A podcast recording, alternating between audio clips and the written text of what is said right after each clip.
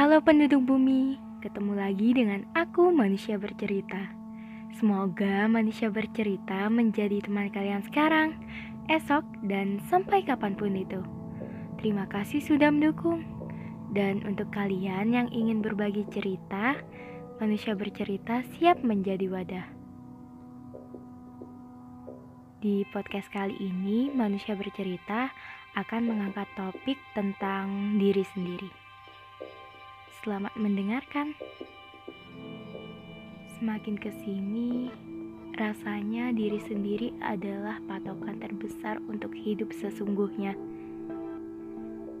Diri sendiri adalah tempat paling jujur, ibarat cermin, bukan kamera dengan filter yang macam-macam.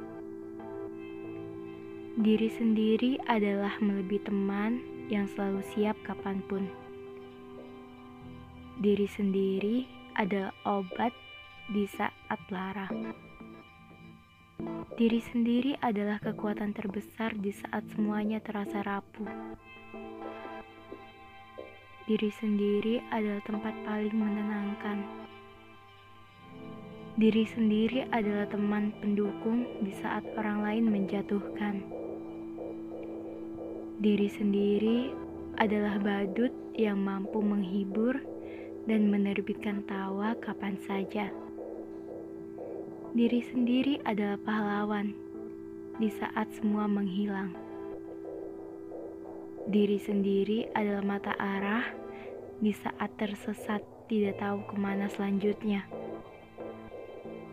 Diri sendiri adalah lautan luas yang menenangkan dan butuh waktu untuk diselami.